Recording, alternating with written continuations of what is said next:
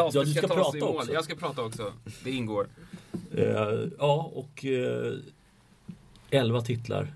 Mm. Uh, fullkomligt makalöst. Jag såg någon, bara någon liten grej som blänkte förbi att han har spelat typ 97 grusturneringar och vunnit om närmare 60 av dem. Det är helt makalöst facit och 11 slams. Alltså jag, minns, jag minns ju när, när han gick förbi Björn Borg i, i antalet titlar i, i franska. Och man mm. tyckte det var helt makalöst. Liksom. Mm. Ett rekord som det för 15 år sedan sades förmodligen aldrig skulle slås. Nej, men det här rekordet det, det måste vara omöjligt. Inget är omöjligt men jag kan inte se att vi kommer under vår livstid få se någon som kan Nej, jag, jag nej jag, jag, håller med. Det här känns eh, ett rekord som är på Gretzky-nivå mm. i omöjlighet. Det är nog det mest omöjliga rekordet som finns på här tennissidan överhuvudtaget. Mm. Ja, det är, det är fullkomligt makalöst. Ska vi börja i finalen eller? Ja, men vi kan väl eh, vi kan väl göra det. Ja. Det är den som ligger oss närmast nu. Ja, och ja, kortfattat. Jag tyckte inte det var något större snack om det.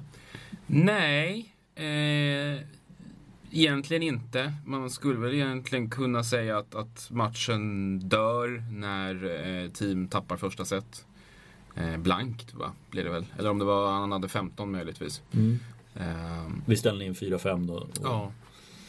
Han tappar ju sin serve också i precis inledningen på, på första set. Han får jaga ikapp där. Ja, och det gör han, han får jaga hela vägen. Jag, jag, tycker inte, jag tycker inte att han spelmässigt ser, det är, inte, han, det är ingen dålig match. Nej, han är inte på toppen av sin förmåga.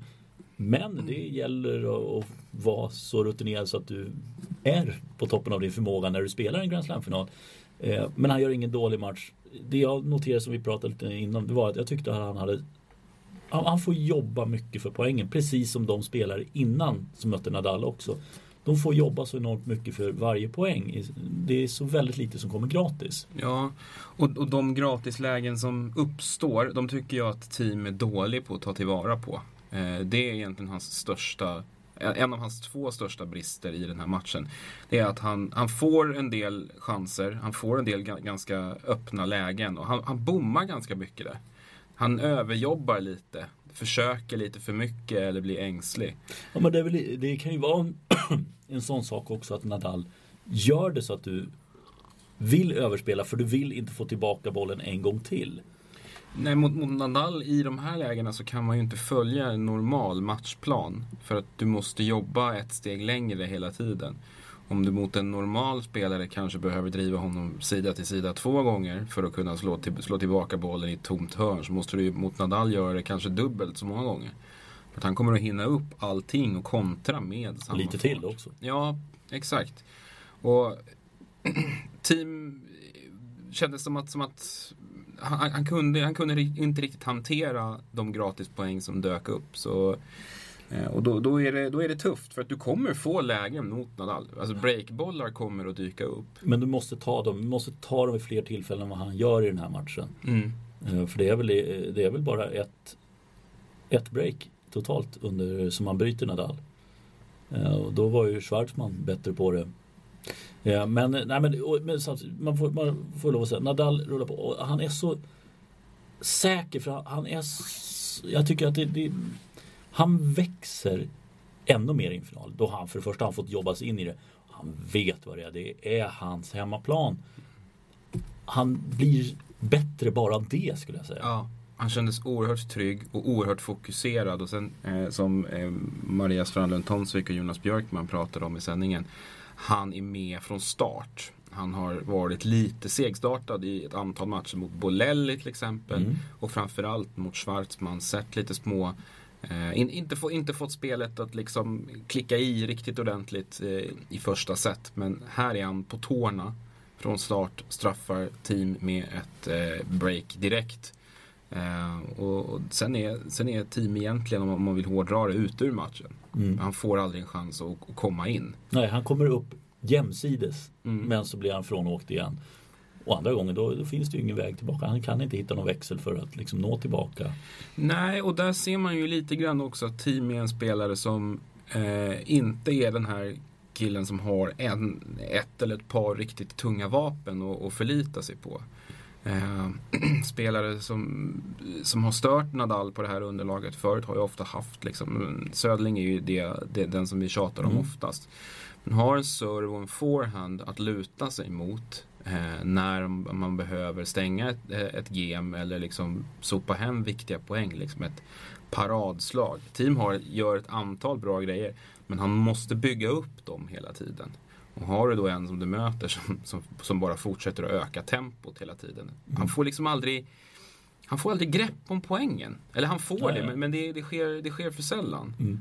Eh, utan det, det, är han som, som, som... Och Nadal tycker jag spelade mycket aggressivare också. Än han har gjort tidigare under turneringen. Mm. Låg långt fram i banan. Offensiv på ett sätt men, som han inte har varit behövt vara tidigare. Nej men det kan nog vara just i, i Teams fall att han vet ju, han, han har ju förlorat mot honom om än i tre matcher. Men att ja, men här, det här är det som vi kan göra, som vi kan justera, som kan störa team rätt mycket. Uppenbarligen gjorde det det. Mm. Eh, och sen kommer den, det, det, här är bara en liten detalj för det har egentligen ingenting med det att göra. Men det var ju det här att han åkte på en varning, det var tidsvarning. Eh, och det gamet var det ju, hade de räknat ut att det var ju uppåt 40 sekunder mellan. Eh, det är lite för fegt av domare. Jag håller med. man måste, måste försöka vara konsekvent. Och, och de där varningarna ger ju inte så mycket. Han är ju tillbaka i samma mönster i stort sett direkt. Ja. Så jag förstår inte riktigt var, var, varför man ens har en regel om man inte ska tillämpa den. Och det gäller uppenbarligen inte honom. Nej, och det, och det, det tycker jag är lite tråkigt. Men det är bara liksom en lite, lite smuts i kanten på, på någonting. I övrigt så är det, eh, är det fenomenalt och det är så svårt. Nu, allt handlar ju om hur länge hans kropp håller. För mm motivationen tror jag den kommer finnas där tills kroppen går sönder helt. Ja, tårarna vid eh, pokalhissningen eh, skvallrar ju om det om inte annat. Mm. Han ville ha den här titeln igen och han vill fortsätta vinna. Mm. Det här är det han kan och det är det han vill göra. Så att det, lär ju, det lär ju fortsätta. Och, han, det, är ju liksom, det råder ju ingen brist på utmanare. Det finns, kommer ju alltid finnas folk som vill liksom knuffa ner honom från tronen. Och eh, det är intressant också att tänka på vid det här laget så är man ju nästan mer, mer intresserad av jämförelse med, med andra versioner av Nadal än, än med historiska spelare mm. och, och andra, andra titlar. Jag vet inte vad du känner. Hur bra är eh, 2018 års upplaga av Rafael Nadal? Jo, men, team var ju den som på förhand som vi pratade om innan också att han skulle utmana och det var den största utmanaren. Men det är ju fortfarande att ingen har riktigt kommit på hur de ska kunna slå Rafael Nadal på grus. Södling, ja, lyckades en gång. Djokovic har lyckats en gång i Paris. Men i övrigt är det ju ingen annan. Och jag tycker det, det är att han ja, inte bara att han liksom håller sig liksom bara en noslängd före utan han känns som att han är ganska långt före de andra och har, måste ha sån enorm respekt från alla spelare, ska han ha. Men när de kliver på banan också, att de är slagna redan på förhand. Ett set tappar han den här turneringen. Mm. Och det säger en hel del om hur bra han är, hur överlägsen han är. Eh, och jag, det är så svårt att se att det ska finnas någon annan än team jag trodde möjligen att Del Potro skulle kunna störa honom lite grann men jag hade ändå svårt att se honom vinna i fem set på grus.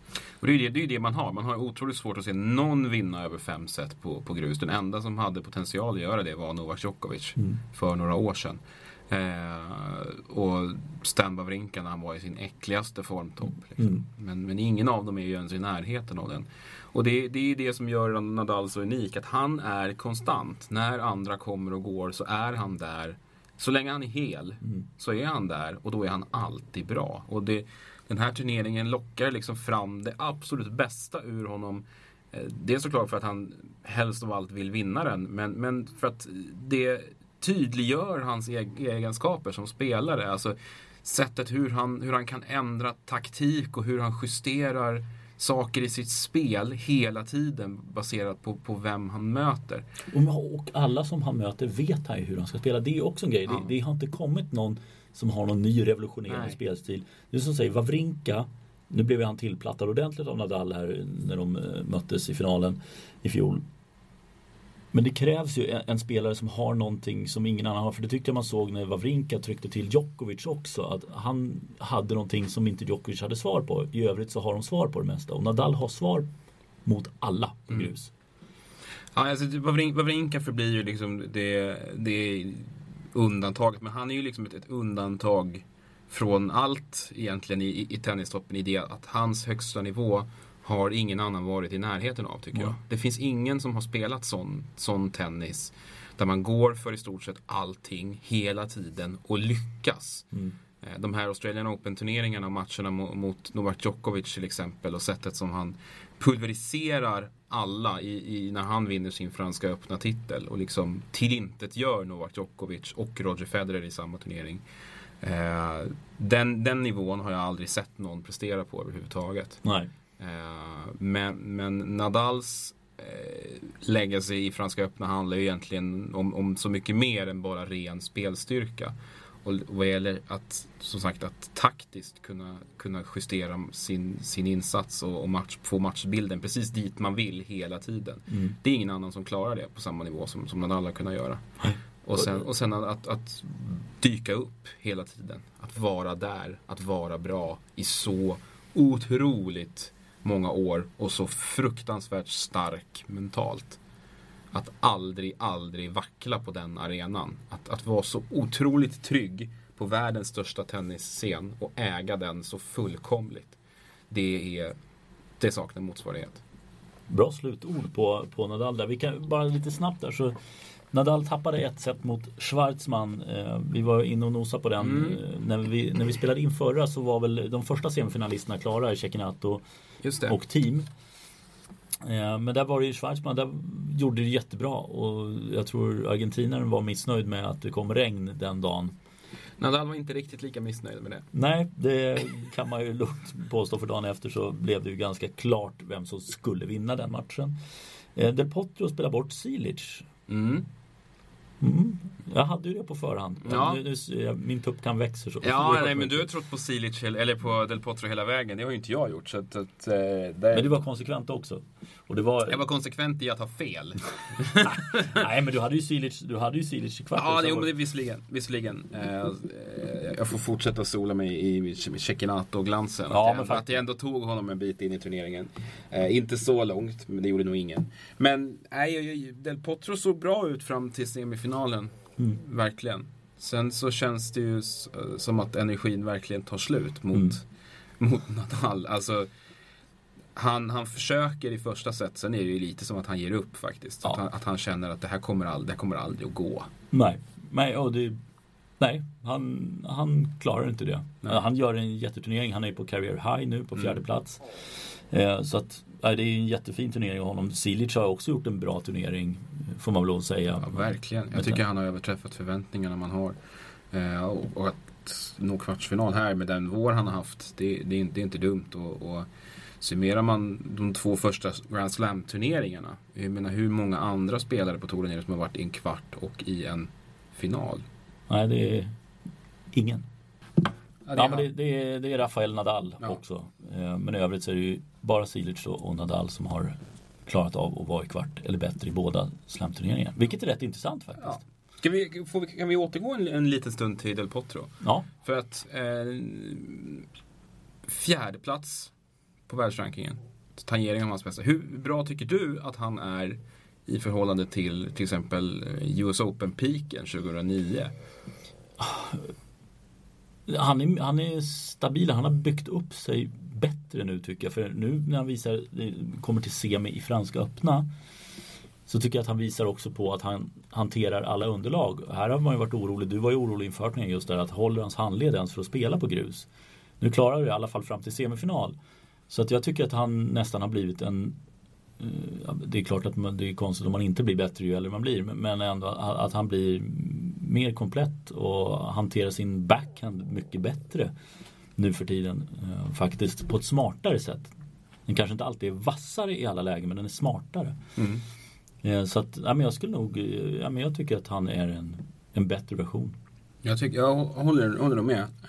Jag tycker att han har utvecklats, alltså när det kommer till spelintelligens som mm. du är inne på. I, I det sättet han använder sin backhand på framförallt. Och mm. sen tycker jag på slutet har han utvecklat sin serve också. Mm. Eh, ett moment som jag tycker att han borde ha vunnit mer på gen, genom åren men som han verkligen har, har finslipat mm. till att bli ännu bättre. Och forehanden är ju som den alltid har varit. Bäst. Inte svårare än så faktiskt. Nej, det är faktiskt inte svårare än så. Nej, men det, det, ska bli roligt nu att se om han hade lite känning där mot Nadal eller om det var mer bara sliten. Och hur kommer han hantera gräset? Mm, han har ju generellt sett kanske lite, lite svårare för mm. gräset. Han har varit i, i semi en gång va? Mot, mot Djokovic som jag inte minns helt fel. Eh, 2012. Eller om det var 2013. 2013 var han i semifinal i Wimbledon. Eh, och då åkte han dit just som du säger mot Novak Djokovic. En ganska tuff femsetsmatch. Och vem var också i semifinal i år? Jerzy Janovic. Ja. Och han var, läste jag någonting nu, han var väl på upphällningen. Han gav det en chans till. Har haft mycket skadeproblem. Ja, mycket mentala problem har han haft också. Ja, garanterat. Inte den smartaste spelaren i världen. Definitivt inte. Eh, kan ha varit rätt underhållande emellanåt men eh, lite för få resultat. Ehm, ja, det var det året. hade väl även Kubot, ja det var ju helpolsk kvartsfinal. Łukasz Kubot. Var det oddset spelbart? Eh, Nej. Inför? Nej, det var inte det va? Nej. Nej, Janovic skulle kommit till Båstad då. Hoppade det. Mm. Eh, ja men det och Cecchinato var vi inne på redan förra, gjorde en fantastisk turnering. Eh, ja, framförallt en fantastisk kvartsfinal mot mm. Novak Djokovic. Mm. En av de kanske bästa matchen i, i hela, hela turneringen. Ja du gillar den riktigt mycket. Jag, jag var jätteimponerad av honom hela vägen. Jag håller med om att den matchen höll riktigt, riktigt hög kvalitet. Eh, från ja, men underhållningsvärde. Eh, sen skulle säkert Djokovic eller andra säga att taktiskt kanske inte alltid var perfekt. Men underhållningsvärdet var högt. Och, eh, men han blir ju ordentligt ditsatt mot team. Eh, han, han är nära i tiebreaket i andra set. Cecchinato.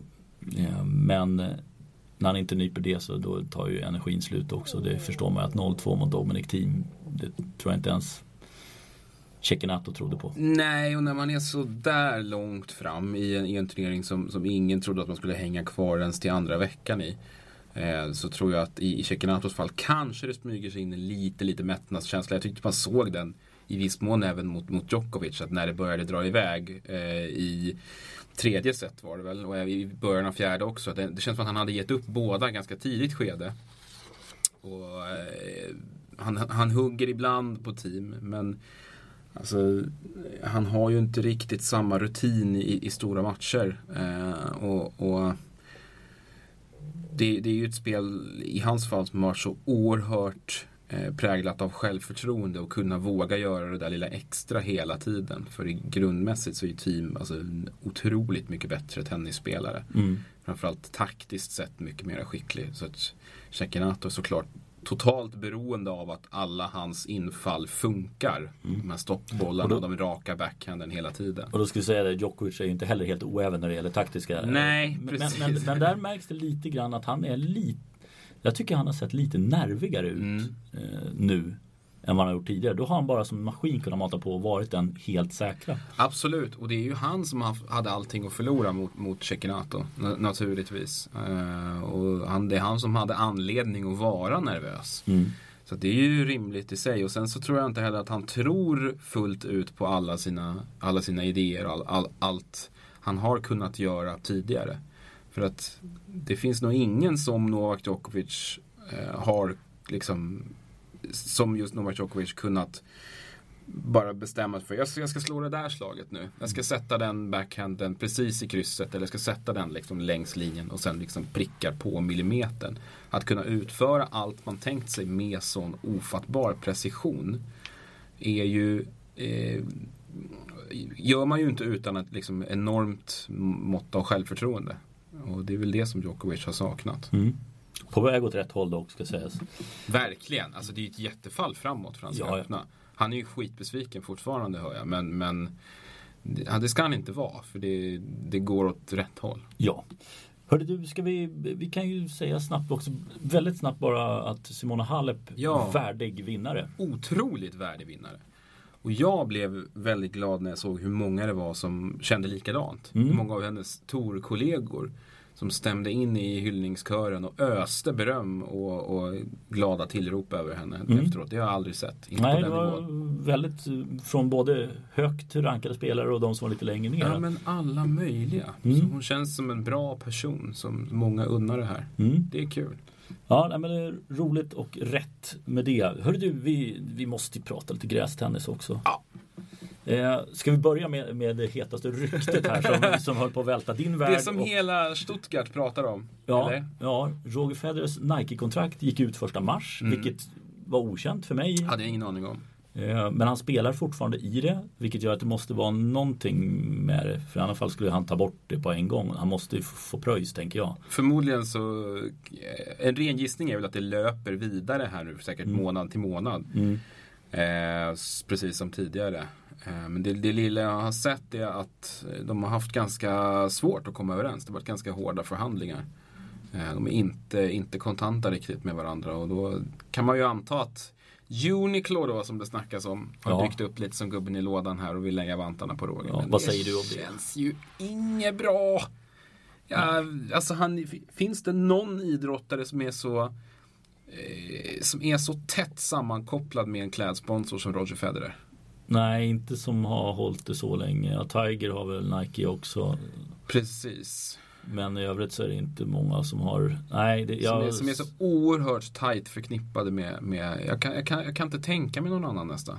Nej, nej och, och det blir Nej, det, det kändes, jag bara, när, det, när jag bara såg den så skulle jag försöka föreställa mig någon bild i Federer spela i Djokovic Unico-kläder. Inget fel på dem ska sägas, men Nej, men det, det är ändå inte, det är inte värdigt. Det var det faktiskt inte när Djokovic gick från Takini till... Nej, det, Djokovic Sergio Takini-grejer var jättefina. Mm. Eh, där handlade det väl om att, att han, han eh, att Sergio Takini som bolag inte riktigt var det de borde ha varit. Det var, det var inte värdigt en fullständigt överlägsen världsetta strukturmässigt som jag förstod det. Nej. Det gick inte att få ut hans grejer till, till handlare i tid och, och Lite hade... italienskt nästan. Ja, väldigt. Men det var väl asiatiskt tror jag då. Asiatiska ägare, för de har ju genomgått ett antal konkurser så vitt jag vet och, och startat om och trummar väl på nu med, med ett antal gubbar. De har väl eh, Klishan har de ju och Jill Müller bland annat. Mm. Eh, det är ju inga, det är inga superstjärnor. Nej. Men, eh, men vi uppskattar det. Eh, nej men eh, vad, vad gäller Roger, alltså jag, jag, man, jag hoppas ju att de fortsätter just i att de har ju liksom gjort någon slags resa tillsammans. Varumärket Roger Federer har ju till väldigt stor del byggts av Nike och hur de har fått honom att se ut. Och de har ju liksom hittat en perfect match i, i, liksom, i, i att bygga hans identitet via hans kläder. Mm. Eh, framförallt när det kommer till Wimbledon tycker jag. Eh, så att jag tycker det är ledsamt om det skulle ta slut på det här sättet. Mm. För att det är ändå Sen 70-talet så finns det ingen som har gjort ett sånt modemässigt avtryck som Roger Federer.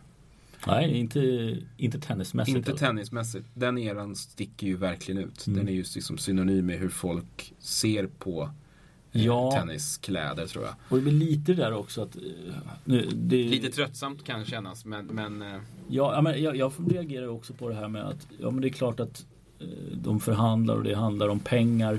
Inte för att Roger Federer behöver pengarna.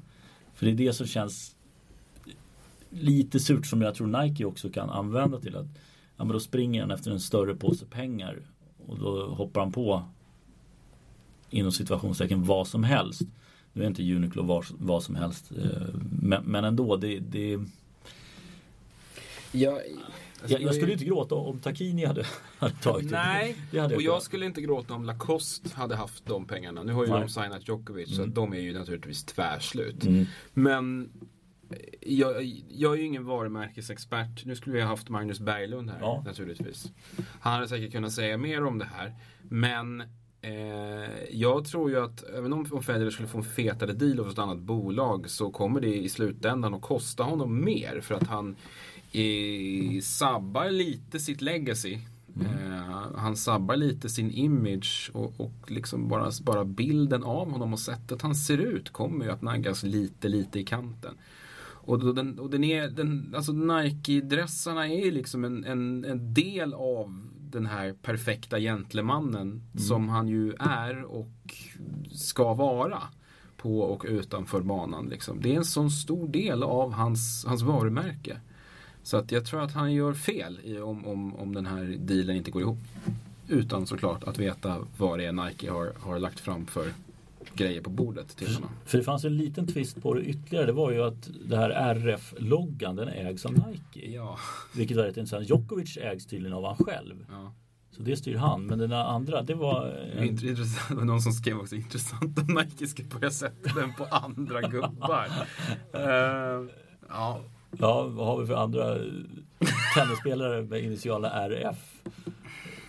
ja, det är ingen som jag kommer på just nu. Ja, Men jag, jag läste också någonting, det är ju väldigt mycket rykte naturligtvis ute nu, men, men att Nike har bundit upp ganska mycket folk på, på långtidskontrakt och, och strösslat ganska mycket pengar över tunga atleter sista åren, bland annat LeBron James då. Som naturligtvis får ännu mer pengar än vad Roger Federer får.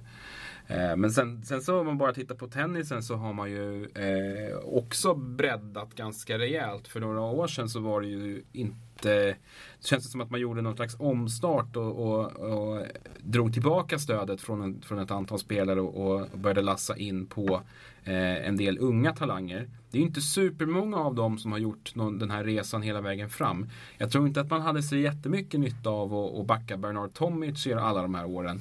Till exempel.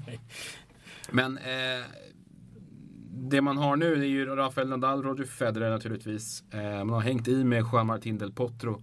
Som är Sydamerikas största tennisspelare fortfarande.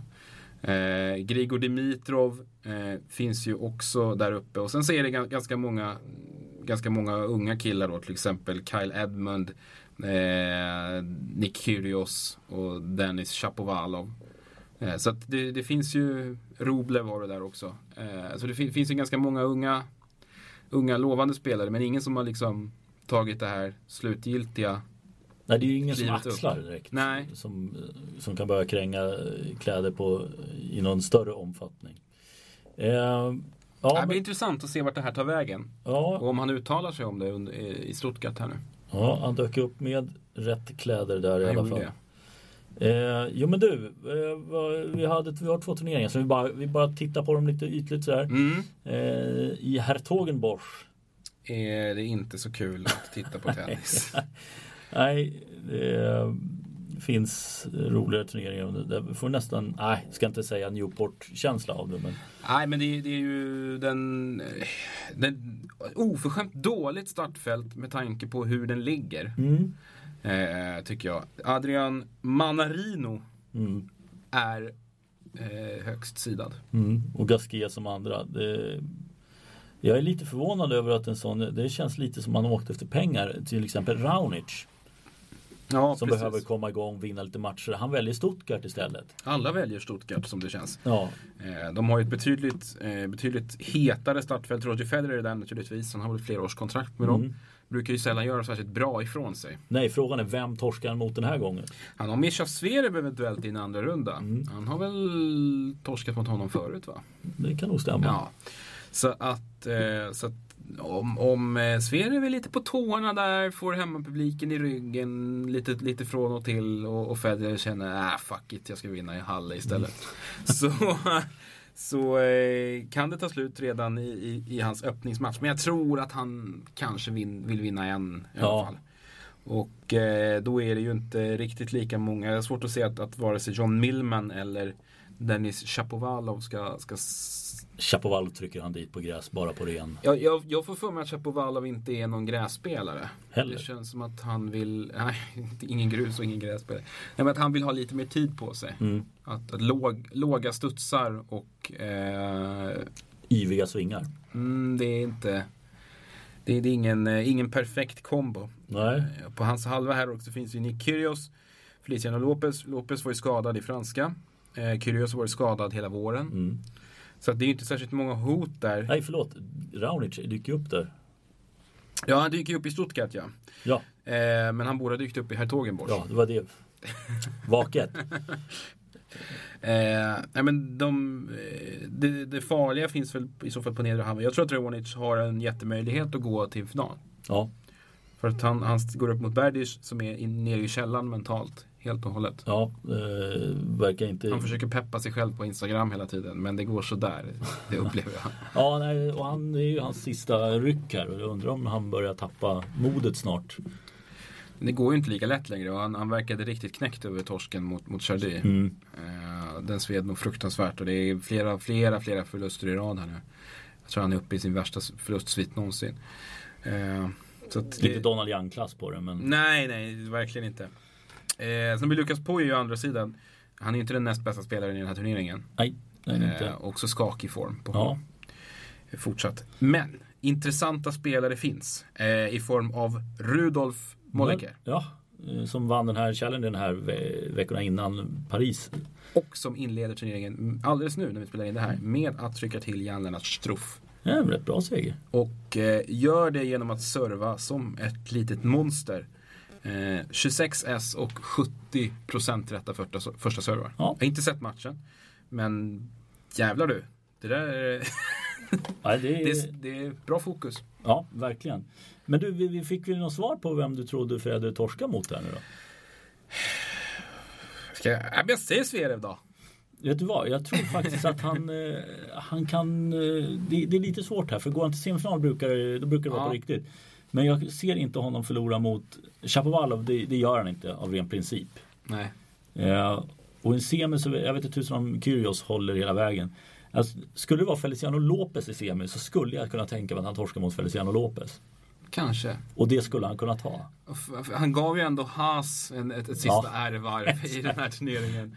Eh, och eh, Feliciano har ju hängt med lika länge som Roger. Mm. De känner ju varandra sedan massa, massa år tillbaka. Det här är hans sista säsong. Alltså, det snackades mer om eh, Federers förlust mot Haas förra året. Ja, det var ju en solklar läggmatch. Ja, det, det, det, det där, ja. Riktigt konstigt. Ja. Eh, Nej men, eh, ja, du har säkert rätt. Men, men jag, nu måste jag säga Zverev i alla fall. Eh, för att han åker andra rundan där. Vem ja. vinner? Eh, det gör Milos Raonic. Ja, det tror jag med. Ja, det kan bli kul för honom att få vinna. Och vem vinner Hertogenbosch? Eh, du, Hertogenbosch, det är jättekul. Nej, det, det, är det faktiskt inte. Du, det känns som att du har lagt extremt mycket möda på att fundera kring det. Nej, men där, alltså Jill Müller ser jag ju som en sån spelare som nu, även om inte han har varit i bra form, så är det där, där han skulle kunna hitta någonting. Jag tror faktiskt att en sån som Robin Hase och Verdasco är ganska uh, farliga utmanare. Ja, jag vill varna lite för Sugita. Yoshi Sugita alltså? Mm -hmm. Japanska spelare, mm. eh, asiatiska spelare i allmänhet, i alla fall från den regionen av Asien, i, i regel överjävliga på, på gräs. Eh, Sugita är, är kvick, tar bollen ganska tidigt. Eh, om de här det är ett så pass jämntjockt startfält så who knows. Du har Chardy också där uppe som har en färsk Challenger-titel i bagaget. Som spelar ja, skitbra i franska. Ja, precis, vann på gräset i England. Eh, där han numera bor också. Mm. Men och det... Tomic har kvalat in. Ja, Jan kvalar ju in i franska också. Han är på hugget nu. Han har väl, ja. Eh, är han rankad topp 200 längre? Det är han inte. Ja, det måste han vara. Eftersom han går in någonstans där runt 200 måste han ligga.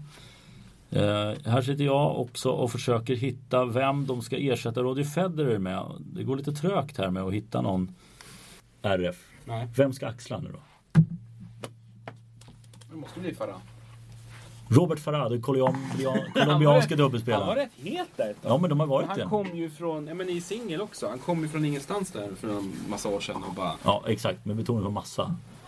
Ja, Robert Farah är i alla fall Federers arvtagare. Ska vi stanna bandet? Vi stänger boken där och mm. sen så är vi tillbaka igen någon gång innan, innan Wimbledon drar igång. Absolut.